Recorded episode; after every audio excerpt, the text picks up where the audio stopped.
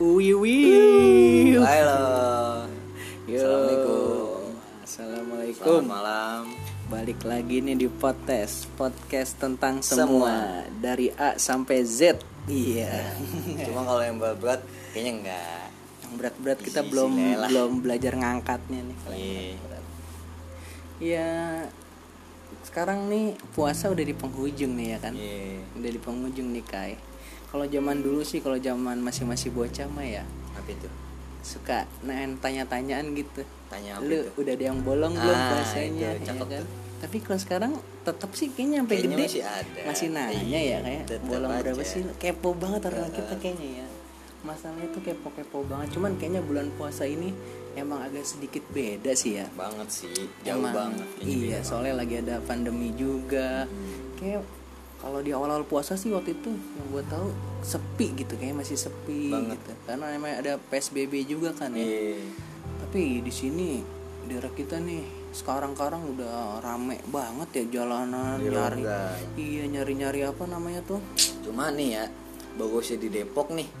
Mallnya kagak ada yang buka. Itu yang gue demen. iya Depok soal- masih orang-orangnya masih pada punya otak dah hitungannya. iya sama ini juga kali ya emang orang sini mah jarang main ke mall Iya, gitu paling mudik. paling iya Eh kagak deh maaf. paling paling jauh mah supermarket lah Iya, sama ATM center ya lah buat ngecek mah.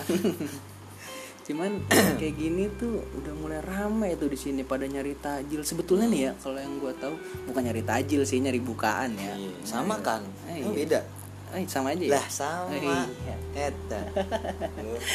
enggak beberapa orang tuh ada yang emang bukan mau nyari bukaan Apa itu? cuma sekedar jalan-jalan aja gitu ngabuburit iya Itu kalau cowok ngeliat cewek, iya Allah. yang bikin banget. macet tuh yang begitu sebetulnya Iya. yang Cuma bikin enak sih. jalanan macet Iya. gitu jadi jalan cuma yang seharusnya beberapa menit ini bisa sampai lama banget loh padahal deket rumah Jam-jam. saking macetnya gitu bingung gua saking ramainya gitu padahal mah nggak ada kepentingannya juga sih Cuma ya Kak, karena mungkin emang karena bosen banget kali ya di rumah Yes. ya udahlah.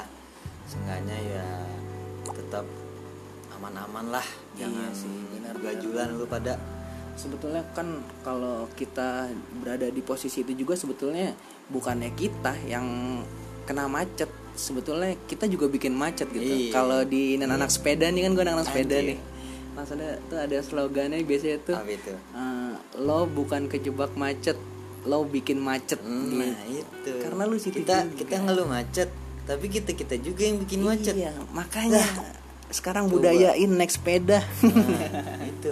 di luar tuh udah banyak naik sepeda Nggak kalau lu naik sepeda nih lu tuh bisa lu angkat-angkat macet lu angkat macet lu angkat sehat juga lagi cuman kan beberapa kita nih banyak orang-orang kaya baru nih gitu nih Iya, Kalau nggak baru ya dengkulnya kopong. Iya. Siapa tuh dengkul kopong? Ada tuh temen gue dah. warung 100 meter naik motor kayaknya Ya kaki Lu malas buat jalan kaki sih. iya kayaknya masa depan kita nih bakal bikin alat yang emang terbang-terbangan kali ya kagak bakal ada Iya. jalannya gitu jadi aduh Bisa lumpuh kali lu ntar mah. Iya. Nah nih lagi malam Jumat gini nih ya kan. Kayaknya Tapi ngomongin yang serem-serem yang horor-horor kayaknya bisa juga nih. Iya. Apalagi di daerah gua sini tuh ah, masih ada beberapa orang yang kayak apa ya, masih mental. iya masih mistis-mistis gitu iya. juga. Kalau gua sih kalau gua sih jujur gua lebih ke logika gitu. Iya kalau di Indonesia tuh emang kayak urban legend atau sampai setiap daerah tuh kayaknya banyak banget mitosnya gitu. Iya. Di mana pun daerahnya Di mana? ada mitosnya bay. Tapi kalau Depok apaan ya mitosnya ya? Mitosnya tahu kagak? Ah, itu mitos tuh yang dipakai sama Limbat HP-nya Limbat Itu mitos. mito. Oh iya. Itu mito. Kalau di Depok tuh yang gue tahu nih ya dulu nih ya dulu nih pas gue zaman zaman SMP tuh urban legend gitu lu tahu nggak dulu nih ada cerita? Apa ya? kakek cangkul nenek gayung. Ah iya itu itu legend banget asli. kalau gue sih mikir dari logika karena dulu tetangga gue nih kalau gue boleh cerita nih ya dia ini kakek kakek dia punya kebun. Jadi setiap pagi tuh dia bawa cangkul gitu pakai caping gitu ya. Jadi gue denger kata kayak kakek cangkul gitu gue nggak takut karena emang tetangga gue ada yang dulu kayak gitu. Kakek kakek zaman dulu kalau orang sini kan dulu masih kebun Iya masih kebun dulu mah dulu ya. iya kalau gue pikir dari logika itu lucu sebetulnya. Cuman beberapa orang ada yang mempercayai sampai takut keluar rumah katanya bilang gini woi nenek gayung nih udah nyampe daerah sini nih katanya. Lu kalau ketemu nenek gayung nih ya katanya mah lu dibungkusin pakai apaan tuh? Iya, katanya dimandiin. iya dimandiin lah katanya sih kakek gayung nenek gayung nih sebetulnya suami istri. Iya, cuman kata gue kayaknya sih hubungannya nggak harmonis bay. Soalnya kakeknya kakek cangkul nenek nenek gayung nggak harmonis. Jadi kakeknya nyangkul masa nenek mandi? Kan kagak harmonis bay. Lah harmonis dong. dong. eh gini. Kakeknya cangkul nih. Kotor ya kan? Habis Iya. nyangkul nih. Hah? neneknya bawa gayung. Kayak lu mau mandi nggak? Lagu mandiin lah kalau menurut gue seharusnya salah kayak gitu. Oh, seharusnya yang benar itu kakek gayung sama nenek rantang. Oh, jadi kan iya, kakeknya capek, capek. Nih Iya. ada makanan iya buat ini datang nih tiba-tiba. Kek iya dahar hela. Ih, cakep banget lu. kakek jawab naon sia gandeng. Sama juga ya kagak harmonis juga. Iya, kagak ada manusia bisa untuk galak banget tuh kakek. Biasanya kakek kakek kalau yang kayak begitu punya daun muda tuh punya simpenan tuh yang muda-muda tuh kayak kayak begitu tuh. Ya. nah terus juga ada lagi nih. Di zaman gue SD ada yang namanya kolor ijo dulu. Tahu nggak lu ceritanya kolor ijo? Sampai gue SD dulu gue kan SD tuh pulangnya suka berpetualang dulu gitu. Karena dulu kan film bolang gitu. Nah. gue seneng banget tuh pulang SD main dulu. Sampai-sampai nih ya pas pulang gue tuh nyari bambu kuning dulu. Kan katanya penangkalnya tuh Iya. bambu kuning tuh. Dulu gue cari sampai tuh. Gue bilang taruh tuh di pintu apa? Di pintu Iya, depan rumah. Katanya kan digantung digantung. Iya, katanya kan dia masuk tuh kata kolor hijau. Terus katanya dia tuh suka apa pura-pura jadi suaminya si Cuma istri nih- itu katanya gitu sih. Cuma nih kalau kolor hijau mah bukan yang ditakutin sama cewek ya. Kalau sama cowok bodo amat. Iya. Lah dia mengincarnya cewek, Bay. Tapi kan gue takutnya emak gue diapa-apain, bay. Oh iya, juga kan cewek ya. Iya. Lupa gua. gue kepikiran ke situ wah, wah parah nih emak gue bisa diapa-apain nih hari itu juga gue cari tuh bambu kuning biar nggak macem-macem gitu jadinya Hmm. Iya banyak banget mitos-mitos kayak gitu tuh kayak apa urban legend gitu. Cuman di beberapa daerah dipercayain itu gitu. Mm-mm. kalau menurut lu gimana? Lu percaya nggak sama hal-hal kayak gitu maksudnya? Kalau dari pribadi ya logika ya lah mainnya nih. Nggak usah pakai yang berat-berat lah kagak sanggup. Kalau logika ya kita tuh emang hidup berdampingan. Iya iya. Kita tuh hidup emang berdampingan sama setan iblis lah itu. Nah kalau itu sih emang gue percaya adanya iblis atau apa. Cuman gue kagak kalau yang mitos gitu ya. Iya gue nggak yang selalu nyangkut pautin dengan hal-hal goib gitu orangnya. Mungkin gue lebih ke kalau- logika kalau gitu. kayak gitu kalau gue nangkepnya ya para bini kan? Kagak selingkuh. Makanya ada ada cerita tentang kolor ijo Hmm. entar lu diperkosa lu mau ini ini lu. Hati-hati lu jangan pernah bukan pintu buat orang lain kalau nggak lu kenal. Oh. Tuh. sebetulnya juga ada beberapa emang yang kayak pamali gitu kan ya. Iya. Lu nggak boleh lu duduk depan pintu sebetulnya juga karena ngalangin orang jalan. Nah, itu gitu ya. itu mah Iya kalau sih. logikanya ke situ nggak boleh keluar sore-sore ada kolong wewe sebetulnya buat nakutin anak kecil biar nggak Iya. keluar maghrib ya. cuma kalau emang dari itu uh, aura aura ah, cing, aura kayak ini yang gue Roy Kiyoshi Hmm, aroma aroma Aduh. kayak rokok. kalau sore emang kayak aura negatifnya itu lebih kuat menjelang maghrib itu lebih kuat. Makanya kenapa kalau orang Jawa istilahnya kalau udah maghrib tutup pintu rapat-rapat ya emang itu dalam Islam juga emang ada. Hmm, aura negatif dari maghrib itu emang kuat banget sih. Berarti lu kalau gue bisa tebak lu bukan anak indis men. aduh tuh? kan senang senja-senja. Gitu. senja, senja ngopi ya kan? maghrib boy senja ya, ngopi juga suka kopi kalau maghrib senja mah. ngopi senja ngopi asam lambung. Aduh kagak beres. Iya banyak tuh cerita-cerita kayak gitu. Nah, tapi lu gua lu punya cerita menarik nggak nih dalam hidup lu tentang kayak lu misalnya lu pernah ngeliat penampakan atau kalau gue sih jujur ya kalau ngelihat gue belum belum pernah kalau ngelihat cuman kalau yang gue alamin tuh beberapa pernah sih. Cuman gue tuh langsung ke logika aja. Kayak misalkan kayak di daerah-daerah kita kan kayak ada suatu jalan nih atau tempat. Wah ini serem ini serem. Iya. sebetulnya kalau gue bisa bilang itu kesalahan orang zaman dulu juga. Kenapa itu? Soalnya kan orang zaman dulu tuh suka kayak gini. Wah ini di daerah sini nih ada kayak gini-gini terus langsung nyebar ke turunan-turunannya lama-lama kan ke halayak ramai nah jadi yang ngakibatin suges kita tuh berpikir gitu terus ke tempat situ Bucinya sugesan, makanya lu Iya. jangan kekencengan ngap. hal-hal menurut gue hal-hal kayak gitu tuh pengaruhin sugesti kita juga Iya nih. sih, bener. Kalau gue emang lebih ke logika, walaupun emang kayak ada suara ini, tapi gue langsung buru-buru sangkut pautin ke logika. Ah, paling ini, ah paling gue tuh selalu kayak gitu. Lu ngelawan nih kan negatif lu langsung ah positif lah gitu. Iya, karena dulu gue juga pernah gitu kayak masih kecil tuh gue orangnya penakut banget kayak nonton yang di TV aja gitu kayak acara Mumun. dunia lain Aduh. dulu mah zaman dulu Mumun dan Jeffrey ya emang Yang cinta matanya hijau tuh merah. Matanya merah bos, gila. Terus ngapain lah lu? Ya, Mumun, Jeffrey, lu kalau di situ lu langsung ter- terpatahkan lu logika lu yang bilang kayak wah lu kalau dikejar pocong mah lari aja. Pocong kan lompat-lompat lama ya kan? Wah lu lihat Jeffrey itu bisa terbang nggak selalu tahu aja. Tuh kan lu, hmm, lu. Macem lu. nah gue pernah tuh ngalamin hal-hal kayak gitu. Dulu gue begini gue tuh orangnya kan suka ngelawan. Ada kayak teman gue juga gitu. Maksudnya bukan ngelawan orang tua Iya, gue ngelawan apa itu? Yang ngelawan gua yang orang tua. perasaan gini. Gue bilang sama teman gue eh baik kita coba yuk cari ke tempat ini. Kayak dulu tuh bilang kan katanya "Eh, nenek cangkul udah sampai eh nenek gayung udah sampai sini. Iya. ya gitu. nah gue coba lewatin tuh tempat-tempatnya. Tapi emang nggak ada sih. Cuman suatu saat pernah gue ke tapi ini gue nggak ngeliat sih. Emang cuma sekedar apa ya suara Sepintas ya, gitu. sepintas aja.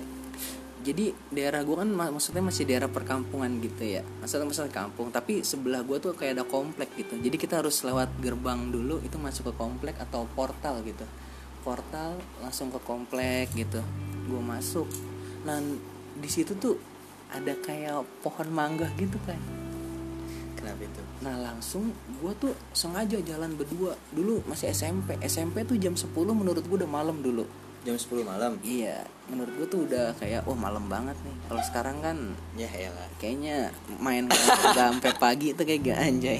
Gila bocahnya.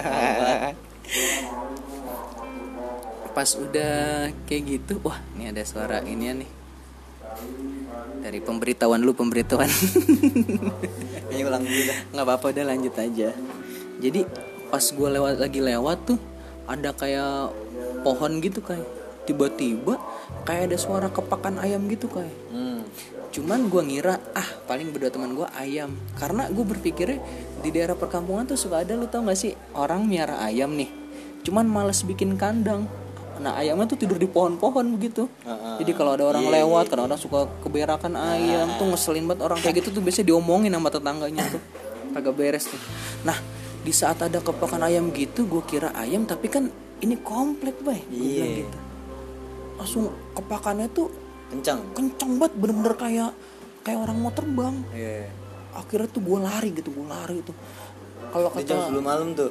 iya itu udah udah malam gitu gue kan dulu jalan kaki terus ya nggak ada motor sendiri? berdua gue Nah, udah. teman gue juga sama-sama ngerasain gitu waduh Oh, apa nih ya. iya gue SMP Nah, gue tuh zaman dulu tuh ngelawan cuman masih ada rasa takutnya Iya. gitu gue lari langsung kata gue wah apaan tuh tadi cuman gue tetap positif karena eh gue ngerasa tetap itu ayam lah gitu gue Iya. gua nggak mau kebawa sama perasaan itu yang langsung gue pikirin terus gue pikirin gue nggak mau kayak gitu soalnya emang sering kayak ada juga lu pernah dengar gak kalau ada bau ubi katanya ada salah satu Iya. spesies hantu itu gitu apaan tuh kalau ubi tuh? Genderuwo ya apa? iya ngomongnya sih ya. gitu dulu gue pernah Titan, Titan. Eh, tahu Titan nggak lu? predator dulu gue pernah tuh ke suatu tempat gitu. Jalanan tempat gue main gitu. Dulu kan gue suka main ke komplek itu suka sparring bola gitu kayak sama anak komplek. Anak bola banget. pokoknya kalau anak komplek itu menang kita aneh gitu. Tapi kalau anak kampung menang itu hal yang wajar gitu. soalnya orang-orang kampung fisiknya Wih, beda sama yang sama komplek.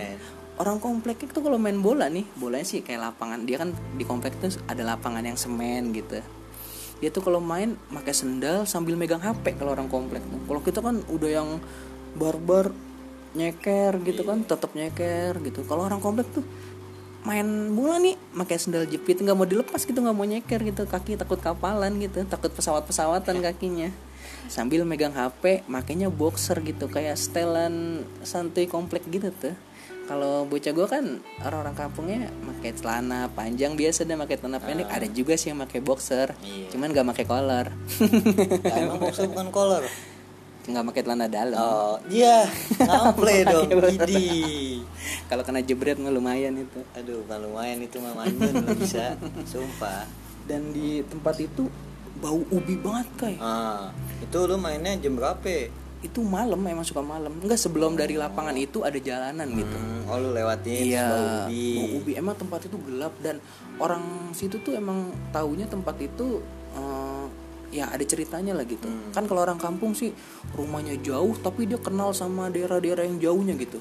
Nggak cuma kenal sama daerah sebelah rumahnya aja gitu. Sama yang jauh-jauh kenal. Dan orang situ juga banyak yang cerita gitu. Tapi gue kan logika aja ya. Pak siangnya tuh gue datangin lagi kan kalau malam takut gitu ya. Iya. siang gue datengin ternyata di situ tuh emang ada pohon-pohon ubi kan Hmm. jadi cuma ya logikanya aja gitu. Iya. Nah tapi itu kesempatan gue buat jailin teman-teman gue Kenapa nyolong ubi? enggak Oh, dong maksudnya nyolong nyolong ubi. Singkong dong. Iya. terus gue langsung ini ajak teman gue malam-malamnya nggak ngerti. Gue bilang eh gue tuh gue sekarang ngerti gimana. Maksudnya gue ikutin orang dulu gue masukin sugesti dia dulu Ah. gitu. Katanya sih kalau bau ubi ada ginian nih gue gue lewat. Wah bau ubi nih ah kata dia. Lari dah tuh semua tuh orang nyangkanya bau ubi itu ada Ah, macem-macemnya kan Padahal mah emang ada pohon ubi. Iya, padahal mah ada pohon ubi, tapi ya gimana ya? Orang-orang sini tuh emang udah kebanyak kemakan suges Suges, kalau menurut suges. gua sugesti. Kalau lu ada nggak cerita-cerita horor gimana kalau? Nah, gua gua cerita deh. Nah, pengalaman gua pas gua naik gunung nih. Iya. Nah, ini gua itu tahun 2000 belum lama sih. 2018 kayaknya deh. Iya 2018 bulan pokoknya bulan-bulan akhir lah antara Oktober, November, Desember gua ke Cikuray. Nah, Cikuraynya itu vianya bukan via Aduh, gue lupa lagi. Udah lama nih. Bukan via yang sering itu dah, eh bukan via pemancar. Via Palen. Bukan. Oh, bukan. Dangdut itu mah apa? Oh, pokoknya krungu Iya, itu mah. Yo, yo ayo, yo ayo nggak tahu. Kagak tahu gua. Kalau gua kan emang panturaan banget. Nah, gua lewatnya itu via Tapak Grot. Itu deket sama eh, gunung apa sih itu? Aduh, gue lupa lagi gunungnya. Pokoknya ada dekat di daerah Garut gua lewatnya via Tapak Grot. Itu gua cuma tujuh iya gue tujuh orang gue naik lewat situ Nah, emang pantangannya itu sih nggak boleh bawa yang warna merah Hmm, oh ini balik lagi kayak ke mitos-mitosnya. gue antara nggak percaya nggak percaya dong Iya. ya kan gimana ya gue soalnya selama naik gunung gue nggak pernah ada apa-apa nih alhamdulillah Hmm. Cuma pas gue yang kali ini kayaknya wah kacau deh. Ya udahlah gue sampai itu gue jam gue malam gue sampai ke base camp. Base camp gue tidur dulu ngenakin badan lah hitungannya. Pagi jam 6 jam 7 gue baru jalan buat trekking. Nah, nah pos 1 pos 2 pos 3 aman lah cuma paling ya diikut diikutin sama lalar hijau doang tuh selama sa- dari pos 1 sampai pos 3 Mungkin teman lu ada yang boker di iya sana kayaknya kali. sih itu kayaknya itu soalnya kagak hilang hilang tuh sampai pos 3 tuh. Cuma anehnya pas di pos 3 lalarnya tuh hilang. Hmm, gue udah kagak ngikut lagi. Pos 3 itu udah itu ada warung lah tuh udah gua- jatuh kali kali. iya kayaknya udah udah jatuh. tuh kayaknya udah jatuh tuh kayaknya udah jatuh. Terus terus gimana nih gua hujan lah di pos 3 ya udah nah dulu. Itu posisinya udah sore. Sekitar jam 3 jam 4 lah. Jam 3 jam 4 gue diem dulu situ. Ya makan mie nyeduh kopi nyanyi senja segala macem. indis banget nih ya. Marah setelah setelah lagunya itu tuh siapa sih? Ya itulah pokoknya lah adalah. Iya. Udahlah tuh. Jam 4 mulai lagi gua naik ke pos 4 nah mulailah di situ aneh-anehnya tuh udah mulai tuh. Masih gerimis nih. Teman-teman gue bilang ya udah kayak jalan lagi aja yuk." ya udah yakin nih. Ya yakin. Ya udah pakai dah. Jas hujannya pada kain covernya buat tasnya tuh pada pakai lah kemarin lu warna merah? Iya nih gimana? Kagak ada lagi dong. Bocah pada bilang gitu tenda gue juga warna merah. Tenda bawa tiga. Apa jangan-jangan anda pendukung partai itu? Enggak lah. Oh, tidak lah kan setan merah bos. Oke oke. Nah udahlah tuh pakailah. Gue nggak pakai gue nggak bawa jas hujan gue nggak bawa jas gue nggak pakai jas hujan. Pakai tas rain cover doang buat tas gue biar kagak basah dalam. Jalan lah dari pos 3 ke pos 4 itu lumayan. Treknya juga gila dengkul ketemu dada bener-bener ketemu dada itu mah sampai wah anjing kayaknya gue nyesel banget nih kagak olahraga dulu ya kan.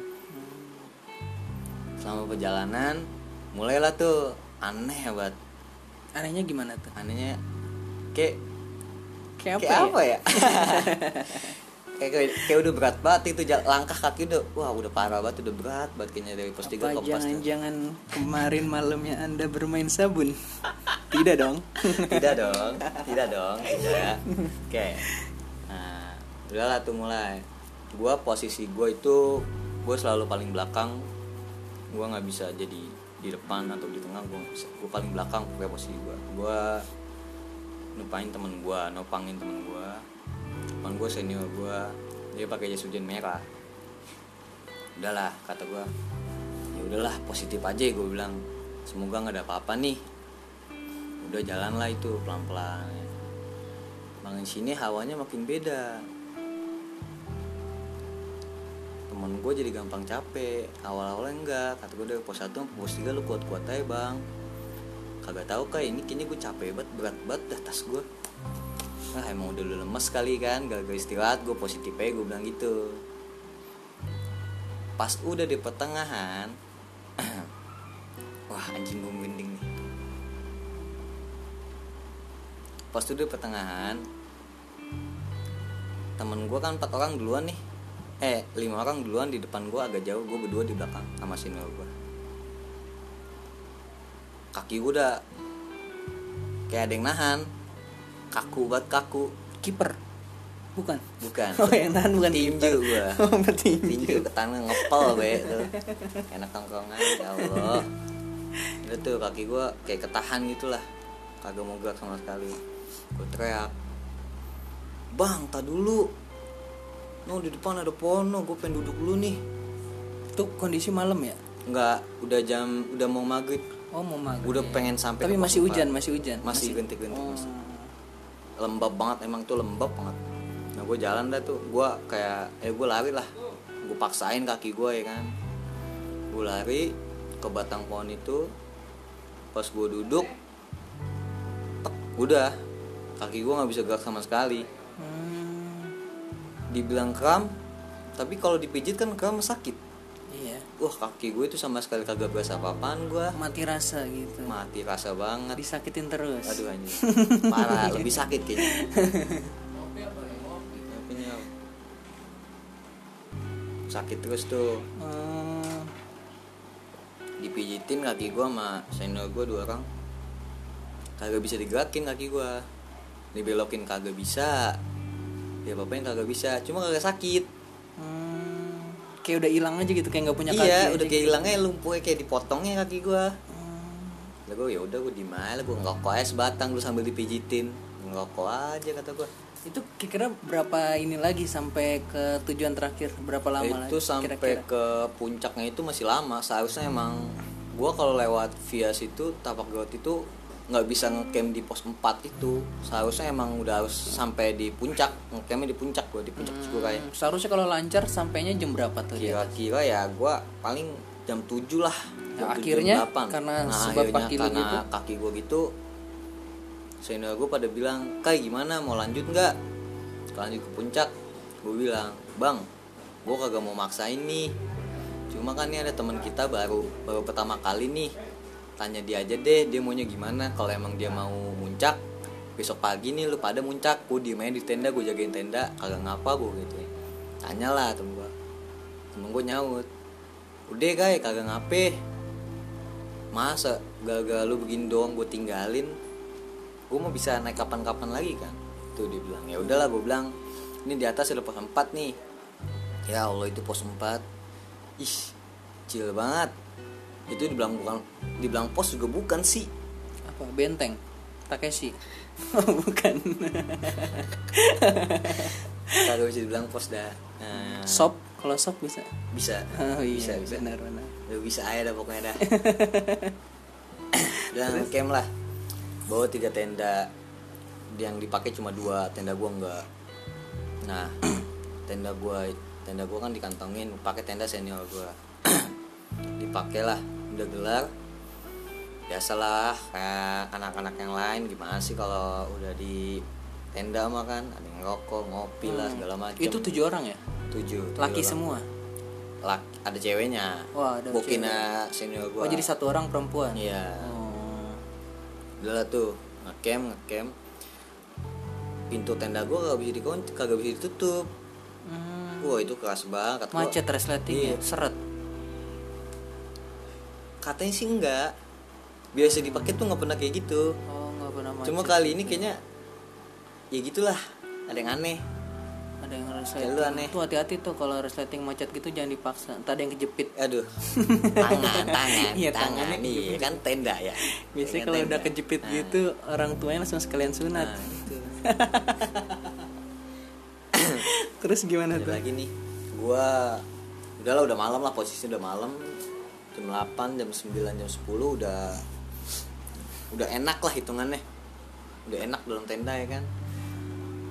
Hmm, tidur lah. Pada bocor pada tidur. Gua bertiga belum kagak bisa tidur. Gua sama temen gua kagak bisa tidur nih. Ya udahlah pura-pura tidur aja sih. Ya udah udah udah kagak enak banget suasana hawanya udah enak banget, udah beda banget. Jam 2 pagi itu gua sama teman-teman sama teman gua dua sama dua orang dengerin suara motor men. Suara motor naik. Berarti ada motor yang motong jalan lewat gunung? Iya. Ya Allah itu jalurnya kagak bisa dinaikin motor Oh, sama iya. sekali.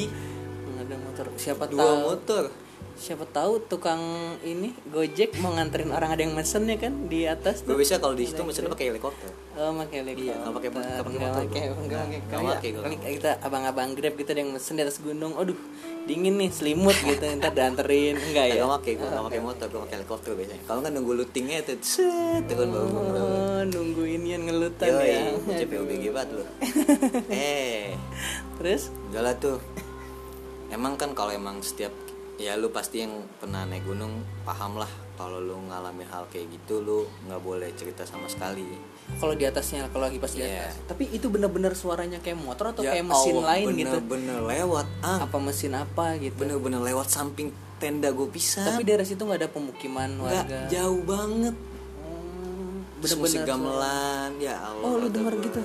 Dengar kayak iya alat cuma musik. ah ya udahlah di mana cuma yang jam 2 pagi itu jelas banget bener-bener jelas banget suara motor kenceng banget dua motor gue tetap tatapan ya kan sama temen gue gue liat Oh, lu berdua di tenda, satu tenda berdua. tiga Oh bertiga. Oh denger itu tiga orang itu dengar semua. dengar Gue kalau kayak gitu masih bisa percaya karena ada beberapa orang yang ngedenger gitu. Tapi kalau cerita dari hanya satu orang gitu iya kayak, gimana gitu. gue paham karena ini gue ngerasain bertiga temen Terus terus gimana tuh? Enggak enggak enggak ada niatan ini ngeliat ke tenda. Kan tenda gue kebuka Oh nggak bisa lu tutup tuh nyampe Nggak bisa malam. lu tutup. Dingin juga dong. lah ya Allah dingin banget lah Oh, gue nengok nih gue nengok ya elah gelap banget lagi gue segen banget udah Oh nggak ada tuh nggak ada. Maksudnya nggak ada kayak kan kalau motor ada lampunya. ada Oh, ada. kenceng banget lagi suaranya Tapi yang diem di tempat itu ada pendaki lain nggak selain nggak ada itu gue doang sama teman-teman gue bertujuh Nah teman-teman lu yang di lain tenda tahu dengar suara itu juga nggak? enggak Oh enggak, cuma lu bertiga itu doang. Tapi jarak tendanya deket-deketan. deket banget. Malah suara motornya itu depannya itu tenda temen gue seharusnya dia duluan dong denger dong. Ah, mungkin aja ada teman lu yang lagi dengerin HP gitu nonton video trek-trekan nonton video ini apa drag enggak ya? HP-nya pada mati bocah pada molor udah bocah udah molor lagi ngeliat motor-motor ban cacing gitu enggak ya? Kagak bocah pada molor terus akhirnya tuh? Ya udahlah. Ya udah skip aja lah tidur aja gua. Bisa lah tidur subuh bangun ya kan. Pagi udah nyeduh nyeduh nanya lagi. Gue bilang lagi lu mau muncak nggak udah kek kagak ngapa lu kagak kuat kan? Iya kagak usah maksain lu. Gitu. ya udah ya udah nih nggak nggak muncak nih. Iya nggak muncak. Udah lah gue balik lah. Ini sih pak ini bagian paling Wah, ini Wah. dengerin ini paling wawi wow wow wow banget ini kayaknya nih. Paling pecah lah ya. Ini paling banget sih ini, ini kacau banget ini lu dengerin nih semua ini ini merindingnya horornya nih nyampe ke tulang rusuk ini nyampe ini. Tapi gue gak punya tulang rusuk nih tulang rusuk gue hilang tuh. Anjay. Belum gue temuin. Ini pokoknya nyampe kuping lu nekuk-nekuk nih kalau lu denger nih. Ya udahlah gue sekitar jam eh, 8 jam 9 itu gue cabut lah ya kan balik. Oh, Cabut pagi? turun. Iya, pagi. nggak jadi muncak? Nggak jadi cabut lah. Selama perjalanan emang gue suka mengabadikan momen gue suka foto-fotoin bocah gue jalan setegal tanaman apa. Pakai Nah. merek apa? Hah? fotonya pakai merek apa? Mama mama. Nggak boleh kita belum bisa. Eh, iya terus? Nah udahlah gue moto-moto ya kan. Itu gue nggak ya gue moto asal moto aja. Nggak nggak nggak, nggak ngelihat gue ngeliat hasilnya cuma nggak nggak terlalu kayak nggak nggak fokus gitulah. Kiri kanan gue pokoknya masih lembab banget oh jadi lu ya orang yang suka ngeser-ngeser di Facebook naik gunung gitu ya, ya di grup? kagak. Oh enggak. Kagak pernah udahlah gue singkatin aja nih. Udahlah nyampe base camp nih. Base camp alhamdulillah udah aman lah. Nggak ada nggak nggak ada kejadian apa apaan lagi dah. Pas udah kita pulang masing-masing itu biasanya emang kayak gitu tuh. Biasa selang dua minggu kalau nggak seminggu nih. Barulah ketemu. Ketemu apa tuh foto foto yang gue kirimin ke Oh. bocah gue kirim kirimin nih foto. Iya. Channel gue nanya kai apa bang? Ini rambut siapa kai? Wah anjing gue merinding ini. Itu kondisi fotonya tuh eh, apa lagi pagi lagi siang? Siang. Hah? foto gue landscape. Hah? depan gue temen gue belakang gue temen gue masih ada. Gue foto. Kiri kanan masih masih basah lah. Hmm. pohon-pohon basah. Hmm, terus? Dari kamera tuh kayak rambut lu ngegelantungan rambut panjang keriting itu ngegelantungan. Tapi nggak ada mukanya gitu? Nggak ada Cuma rambut doang aja. rambut panjang ngegelantungan. Kayak kayak kayak dari bahu gue lah hitungannya. Hmm. wah anjing gue merinding. Udah lama padahal tapi gue masih aja merinding. Nanya lah bocah gue kemarin kita di gondrong gak sih? Kagak ada bang yang gondrong bisa tukang mie ayam. Iya biasanya. Iya mie ayam gondrong. Nah iya itu. Terus? Yalah. Gondrong kata gue Rambutnya keriting Kering. Ini siapa kai? Kagak tahu bang. Dan pohon kali gue bilang gitu. Kai kiri kanan pohon basah. Wah kagak. Yaudah itu dia rambutnya kering keriting tapi panjang. Mm-mm. Dia biasanya pakai sampo metal tuh yang Iya, begitu iya. tuh. Sampo kuda. Kalau kata orang-orang sampo kuda tuh Lu mau manjangin orang pakai sampo kuda? Terus Ya, dari situ? kayak gitulah. Itu ketemunya itu baru selang dua minggu baru kelihatan fotonya tuh kayak baru timbul Anjing, ada gitu. iya. Pas lama itu mah gak ada. Di situ kayak gue wah anjing gokil nih gokil. Gue jadi kayak seneng gitu cuma kayak wah kayak nggak mungkin cuma mungkin gimana ya ya gitulah pokoknya lah Nah, kalau yang mau tahu fotonya itu, lu bisa lihat di mading-mading kelurahan daerah lu ya. Siapa tahu aja ada ya. Nah, ya jadi kebanyakan cerita itu memang sebetulnya cerita-cerita horor di sini tuh emang hampir semuanya itu dibumbui mitos gitu ya. Iya. Makanya gue suka penasaran. Gimana ya? Kan kalau orang luar negeri kan setannya beda gitu kan Iya. ya. Orang luar negeri setan beda Luar negeri apaan sih setannya ya makanya itu gue gue penasaran kalau misalnya gue keluar negeri yang gue lihat itu setannya apakah kayak setan yang orang luar negeri lihat atau yang emang orang Indonesia lihat gitu kalau yang kita lihat berarti itu emang semua dari suges kita juga gitu kan Iya, menyerupai apa iya, yang kita benar. tahu Ah. gitu maksudnya. karena gue ada punya temen dia ini orang Ukraina gitu eh dulu ini kepanjangan gak sih kalau kepanjangan maaf ya enggak nggak apa-apa. Ini mah kita bebas. Kita mah mau nyampe besok juga. Kalau nggak mau dengerin sih ya jangan sih dengerin aja. Punya orang Ukraina. Eh dia orang Ukraina. Dia itu udah lama sih emang di Indonesia. Dari tahun 2009 2008 udah ngerti bahasa Indonesia. Dia ini orang kayak trail running gitu. Lari-lari di gunung gitu. Hmm. dan gua tanya dia itu sebetulnya eh, pas kayak dia tuh lari di gunung tuh suka malam gitu. Iya. Malam di gunung apa aja suka pulangnya malam gitu turun baru mulai turun malam karena kan kalau trail running tuh tektok gitu ya lari nanjak turun lagi gitu ya dan gue tanya ke dia dia itu katanya nggak pernah sama sekali gitu nemuin kayak hal-hal kayak gitu gitu ya mungkin kan kalau orang kayak dia tuh nggak nggak nggak ini ya apa ya nggak ada kayak perasaan Hmm, positive vibes banget lah Iya kan gitu. Dan teman gue emang ini lucu. Dia tuh ke Indonesia. Cuman kayak gini. Dulu dia pernah di Ukraina itu kan sepertinya kayak banyak mayoritas kayak bertani ya sama ke Indonesia gitu. Dia tapi di sana itu oats gandum gitu. Dia ke sini pas lagi SMA itu dia dapat pelajaran di Ukraina. Mungkin kalau di sini tuh IPS gitu ya. SMA kalau di sana SMA apa sih? Eh, SMA, SMA. Eh, eh, bukan ya? Bukan. nggak tahu gua nggak tahu Iya, jadi pas dia lagi kayak gitu. senior high school Oh, ini iya, sadis banget ya senior high school ya. Jadi pas dia dapat pelajaran HS. IPS katanya ada tulisan kayak eh, negara termakmur tuh Indonesia gitu. Pas dipelajarin di ini dia di Ukraina. Mungkin pas dia datang gitu ke Indonesia Kaget ya, kan kaget ya, ya. masuk kaget langsung nah ya udahlah surprise, ya kan? Surprise, motherfucker This is prank. yang dia tahu sih emang negara kita itu makmur ya tapi emang kalau di pertanian ya kita banyak sih orang-orang bertani kan banyak nah ya jadi kayaknya kebanyakan emang semuanya itu berawal dari mitos urban legend sugesti. Itu bisa apa ya mempengaruhi lu juga gitu maksud gua. Kayak ap- juga. iya apa yang lu lihat. Makanya Cuma sih ya, nah, iya. gini. Nah ya kita mencintai lah Indonesia ya kan. Segala mitos urban legend kita cintai Indonesia iya itu Bang. budaya lah. Iya, kita- masuknya ke budaya kita Nah, gitu. kita kan tinggal di Indonesia nih. Mm-mm.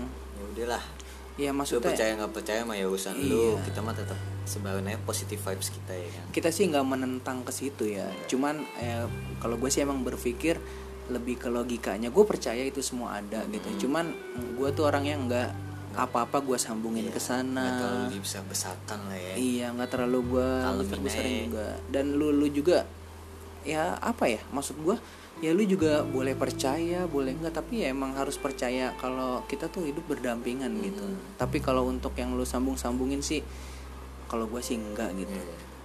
ya sebetulnya banyak sih nih cerita-cerita horor kayak gini cuman ya sampai sini dulu aja nih Iya, podcast oke. kali ini ya Cakep kan banget emang. iya dan pokoknya semua buat lo gue juga nggak bakal capek-capek buat ngingetin selalu pola hidup sehat ya kan lagi keadaan kayak gini pokoknya sehat tetap. terus buat lu para Tetap pendengar iya olahraga itu penting olahraga semua semua olahraga kayak apa kayak urusan lu itu mah dah iya Asli. kebersihan semuanya emang sih eh, nyawa yang nentuin itu hidup matinya Tuhan kita ya kan Hmm.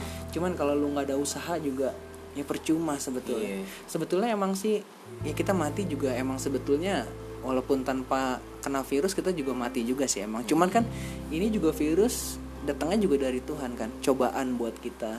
Dan kita juga harus apa ya maksud gua ya mungkin kalau lu lu yang nggak percaya dengan virus ini ya mungkin nggak ma- masalah juga sih. Cuman sekali lagi di sini udah banyak orang yang berkorban gitu. Semua orang di sini sama susah gitu berkorban orang-orang ini gitu banyak gitu.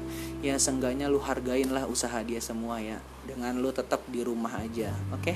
Oke. Oke tungguin stay calm stay Iya, healthy. Tunggu episode selanjutnya.